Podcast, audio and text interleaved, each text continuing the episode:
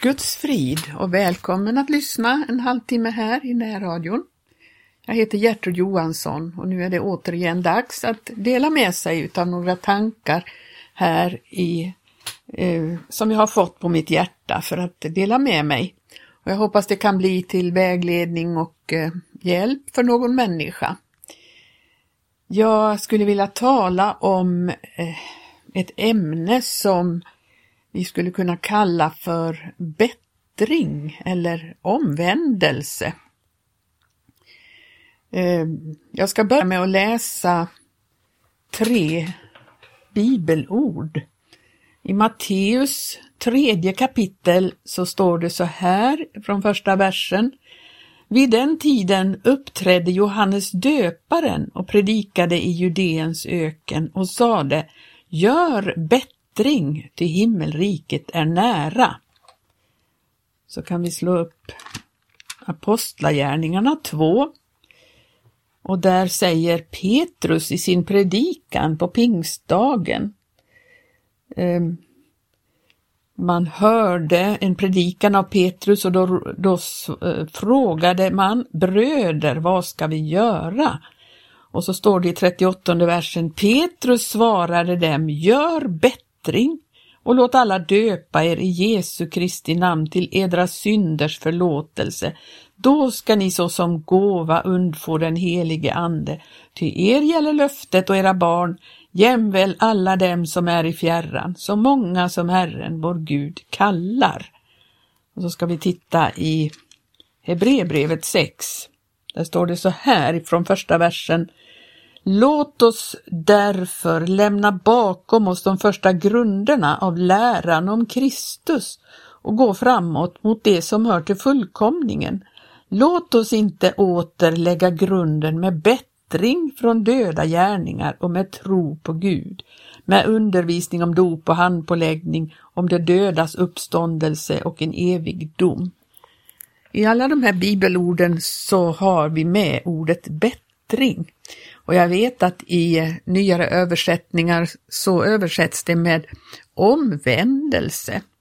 Omvänd er, eller eh, ja, i Apostlagärningarna och Apostlagärningarna 3 ska vi titta på också. Där står det så här eh, i 19 versen. Där står båda orden, gör därför bättre bättring och omvänd er så att era synder blir utplånade. Bättring och omvändelse. Jag hörde ett vittnesbörd utav en ung man som eh, berättade att han var uppvuxen i ett kristet hem.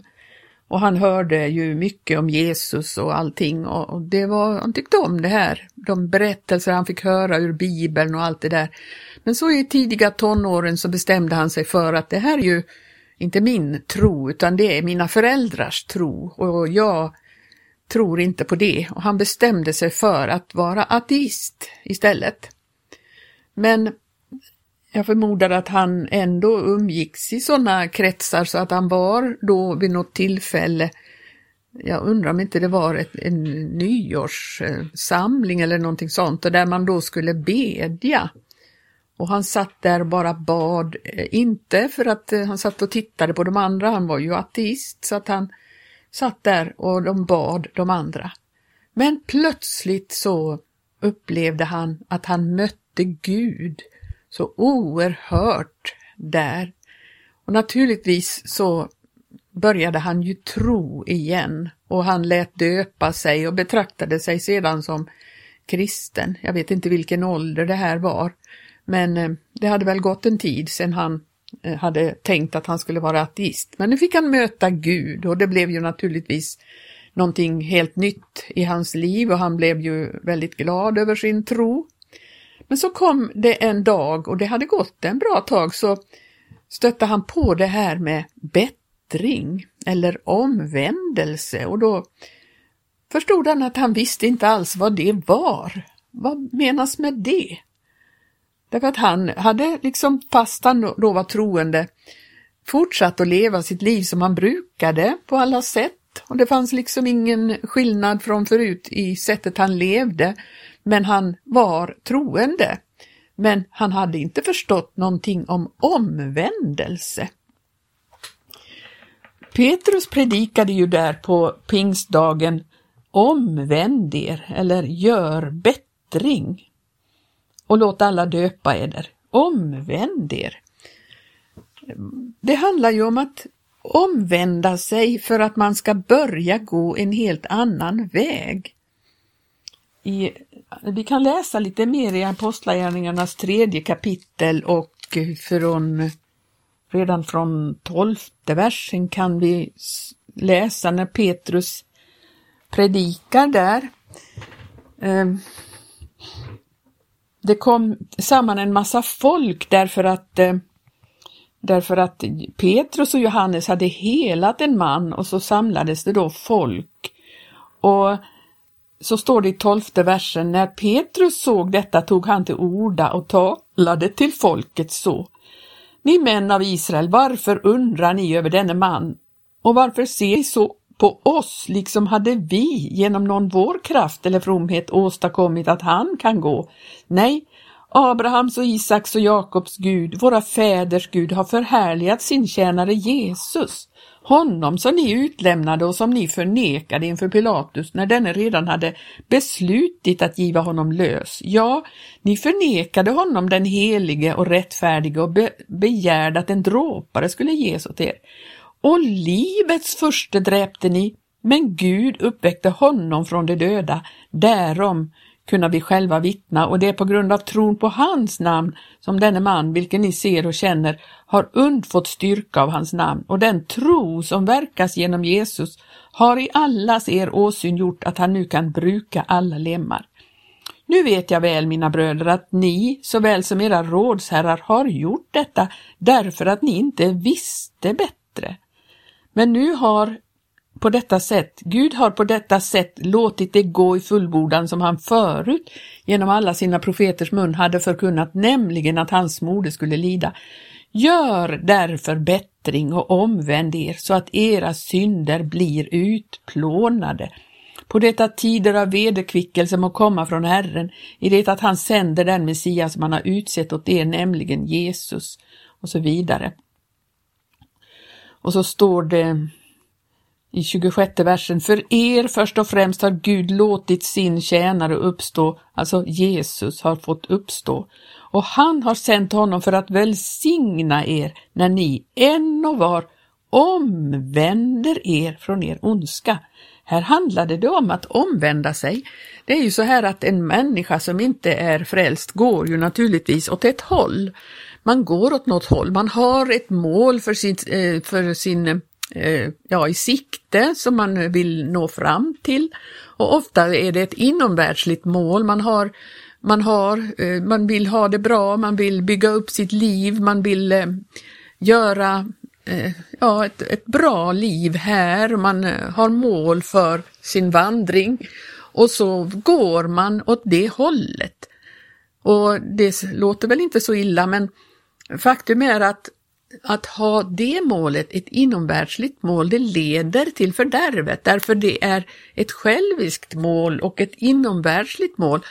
Vi som blir frälsta, vi har ett himmelskt mål. Vi har ett annat mål att gå emot och då handlar det ju om att vi måste vända oss om. Det vet, man är ute och går på en väg så har man ju en vy framför sig. Man går åt ett håll, man har ett mål framför sig. Om man då vänder om 180 grader, då har man ju ett helt annat mål framför sig, ett helt annat mål i sikte. Och det är det det handlar om, att omvända sig när man eh, ska vara en kristen, när man blir frälst. Då handlar det om att omvända sig till Kristus, till Jesus. Och så har man det målet framför sig istället. Och vi har ett mål som är långt högre, något större än allt vad den här världen kan erbjuda. Vi vet ju att när Jesus blev frestad så frestade djävulen honom med alla riken i världen och, och, och allt möjligt. Och sånt kan ju hägra för en människa att eh, ta till sig allt av det goda i den här världen och det kan vara ett mål man har, att försöka bygga upp sitt liv så, så eh, bekvämt och fint som möjligt och vara lycklig här. Och det tycker inte människor är något ogudaktigt i, i sig, men eh, det handlar ändå om att det blir ett mål som har människan eh, det egoistiska i sitt sikte. Alltså vi ska vända oss om från egoismen, att söka egen vilja och sin egen vinning. Vi ska vända om ifrån materialismen som är oerhört jordisk. Alltså, vi behöver ju saker och ting runt oss, naturligtvis behöver vi det, men det ska inte vara målet. Det ska inte vara huvudsaken i våra liv. Vi har ett annat mål, någonting som är långt högre och nu har vi vänt om till att söka Guds vilja i vårt liv. Vi eh, kan, ska naturligtvis också vända om ifrån allt som är ogudaktighet, allt som är orenhet, allt som är eh, i världen, all världens smutsiga eh, utbud utav eh, nöjen och förströelser och det finns väldigt mycket där som eh, erbjuder sig. Naturligtvis ska vi vända om ifrån det och inte längre syssla med det och förhoppningsvis så är den som är ren och pånyttfödd också eh, en som känner av att det här vill jag inte längre ha. Så att eh, människor kanske vänder om utan att ens ha fått höra så väldigt mycket predikningar om det, men naturligtvis behöver vi höra en förkunnelse om omvändelse. Att det som världen sysslar med, vi hör inte längre dit. Och vi måste, vi måste fråga oss, vem är Herre i vårt liv? Och det är också ett av de sakerna jag skulle vilja tala om idag. Vi måste låta Jesus vara Herre i våra liv. Och då ska vi titta i vi ska titta i Romarbrevet. Eh, för det står ju så här i Romarbrevet 10, så står det i nionde versen, ty om du med din mun bekänner Jesus vara Herre och i ditt hjärta tror att Gud har uppväckt honom från de döda, då blir du frälst. Ty genom hjärtats tro blir man rättfärdig och genom munnens bekännelse blir man frälst. Vi ska bekänna Jesus vara Herre. Men nu är det ju så här att i vår tid så kanske man inte har riktigt begrepp om vad det är att ha en herre över sig. En herre är en som står högre än en själv.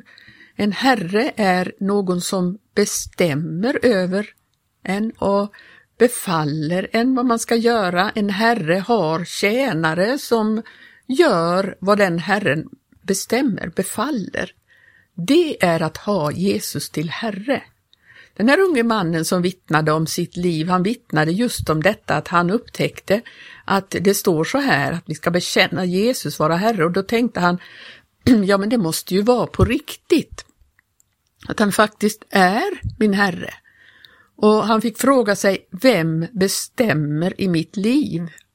Och han kom fram till att han bestämde själv. Jag bestämmer själv över mitt liv. Jag vill bestämma, ingen annan får bestämma över mig. Men han förstod att om man ska kunna i sanning bekänna att Jesus är Herre, då måste ju Jesus få lov att börja bestämma i hans liv.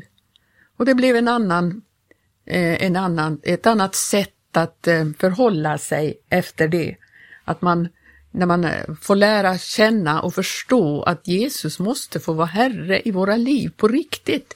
Inte bara att vi säger det med vår mun. Det står ju om att vi med vår mun ska bekänna detta, men det måste ju vara en sann bekännelse. Att Jesus faktiskt är Herre. Han är den som bestämmer om mig.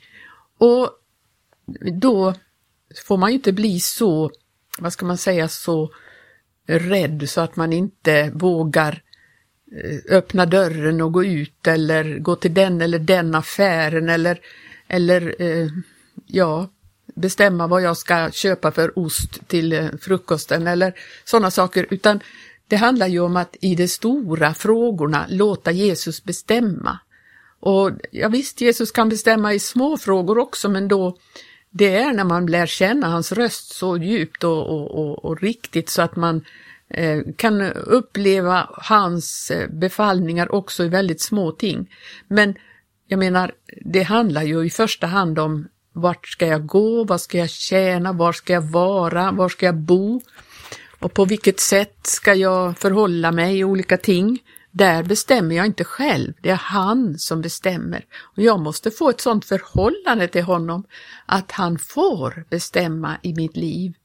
Och Det finns ju då väldigt mycket befallningar, det står ju i missionsbefallningen, vi kan slå upp den i Matteus 28, där det står om vad Jesus befaller när han sänder ut sina lärjungar. Då, eh, så här säger eh, Jesus i Matteus 28 och 18 versen. Då trädde Jesus fram och talade till dem och sade Mig är given all makt i himmelen och på jorden. Gå för den skulle ut och gör alla folk till lärjungar, döpande dem i Faderns och Sonens och den helige Andes namn, lärande dem att hålla allt vad jag har befallt er och se, jag är med er alla dagar intill tidens ände. Vi tar ofta så lätt på det här, vi tänker att vi gör dem till lärjungar genom att vi eh, predikar för dem, förkunnar evangelium för dem och så blir de frälsta och då blir de Jesu lärjungar. Men det står, alltså det är faktiskt inte synonymt med att man är omedelbart en Jesu lärjunge bara för att man har blivit frälst. Där behövs en undervisning som det står, lärande dem att hålla allt vad jag har befallt er. När de nu har blivit pånyttfödda, då måste man lära dem att följa Jesus, lära dem att hålla allt vad han har befallt i sitt ord. Och då behövs det en undervisning för människor som är nyfrälsta och för alla människor som är eh, Guds folk, att vi kan lära oss, för det är ett livslångt lärande detta i att hålla allt vad jag har befallt. Och det är inte så att vi då jobbar på vår frälsning. Nej, är man frälst, är man född på nytt så har man nytt liv i Kristus. Men det bestämmer vad det blir av mitt kristna liv. Det bestämmer vad, vad mitt kristna liv kan ge för frukt. Det bestämmer vad mitt kristna liv eh, visar människorna. Det är ju så att eh, det finns en massa befallningar av Jesus som vi behöver lära oss att hålla. Och om vi inte bryr oss om att titta ens på det eller tänka att det gäller oss, ja då missar vi ju väldigt mycket i vad vi skulle kunna bli i hans efterföljd. Att följa honom, det är ju att vandra i hans fotspår, det är att hålla allt vad han har befallt. Och, och då får Kristuslivet ta gestalt i oss. Men vi behöver, som vi läste där, att vi behöver den helige Ande, vilket man mottog på pingstdagen och i det här predikan och undervisningen av Petrus på pingstdagen så kommer det ju med det här med att då ska ni såsom gåva undfå den helige Ande. Den helige Ande får vi som en gåva och den helige Ande lär oss och undervisar oss väldigt mycket. Så när vi hör en undervisning, då kan vi genom den helige Ande ta till oss den undervisningen och det kan faktiskt bli en verklighet i våra liv. Det är när man läser då till exempel bergspredikan så är det inte bara en utopi eller något ideal som hålls fram som ingen människa kan hålla. Genom Guds andes nya liv i oss så kan vi visst komma fram till att hålla allt vad befallt. Det säger ju Guds ord oss. För vi ska lära människorna att hålla allt vad han har befallt. Och det ska vi ju inte göra för att tänka att eh, det ska vi ju göra men de kommer ändå inte att klara av det. Det är klart att de inte kommer att klara av det i sin egen kraft, men genom den helige Andes hjälp och den helige Andes liv i dem får växa till så kommer de att kunna hålla allt vad han har befallt. Och då behövs den här undervisningen, den här undervisningen från dem som gör dem till lärjungar. Det är därför det inte fungerar med sådana där stora evangelisationsskördetröskor där man bara kör fram och väldigt många kommer fram till förbön och så blir det inget mer med deras liv därför att de åker vidare och fortsätter att skördetröska någon annanstans. Nej, det behövs en, en, ett idogt arbete, en herdetjänst som kan hjälpa människorna vidare på vägen och lära dem allt vad Jesus har befallt. Då blir det hållbart, då, då kommer saker och ting att ske. Jag vill avsluta den här eh, tillfället genom att läsa lite som handlar om att lova Herren, denna Herre som, som vi har. I psalm 146 så står det lovsång till Herren, den rätte hjälparen. Han är vår hjälpare till att, att leva det kristna livet. Halleluja, lova Herren min själ. Jag vill lova Herren så länge jag lever. Jag vill lovsjunga min Gud så länge jag är till. Förlita er inte på furstar, inte på en människoson, han kan inte hjälpa. Hans ande måste sin väg, han vänder tillbaka till den jord vara han är kommen. Då blir hans anslag om intet. Säll är den vilkens hjälp är Jakobs Gud, den vilkens hopp står till Herren, hans Gud till honom som har gjort himmelen och jorden och havet och allt vad i dem är, till honom som håller tro evinnerligen, som skaffar rätt åt de förtryckta. Och som giver bröd åt de hungrande. Herren löser de fångna, Herren öppnar de blindas ögon, Herren upprättar de nedböjda, Herren älskar de rättfärdiga, Herren bevarar främlingar, faderlösa och änkor uppehåller han, men det ogudaktigas väg vänder han i villa. Herren är konung vinnerligen, din Gud, Sion, från släkte till släkte. Halleluja, säger salmisten här i psalm 146. Vi stannar där idag och så får vi se vad vi kan ta upp för ämne nästa vecka. Gud välsigne dig som har lyssnat. I Jesu namn. Amen.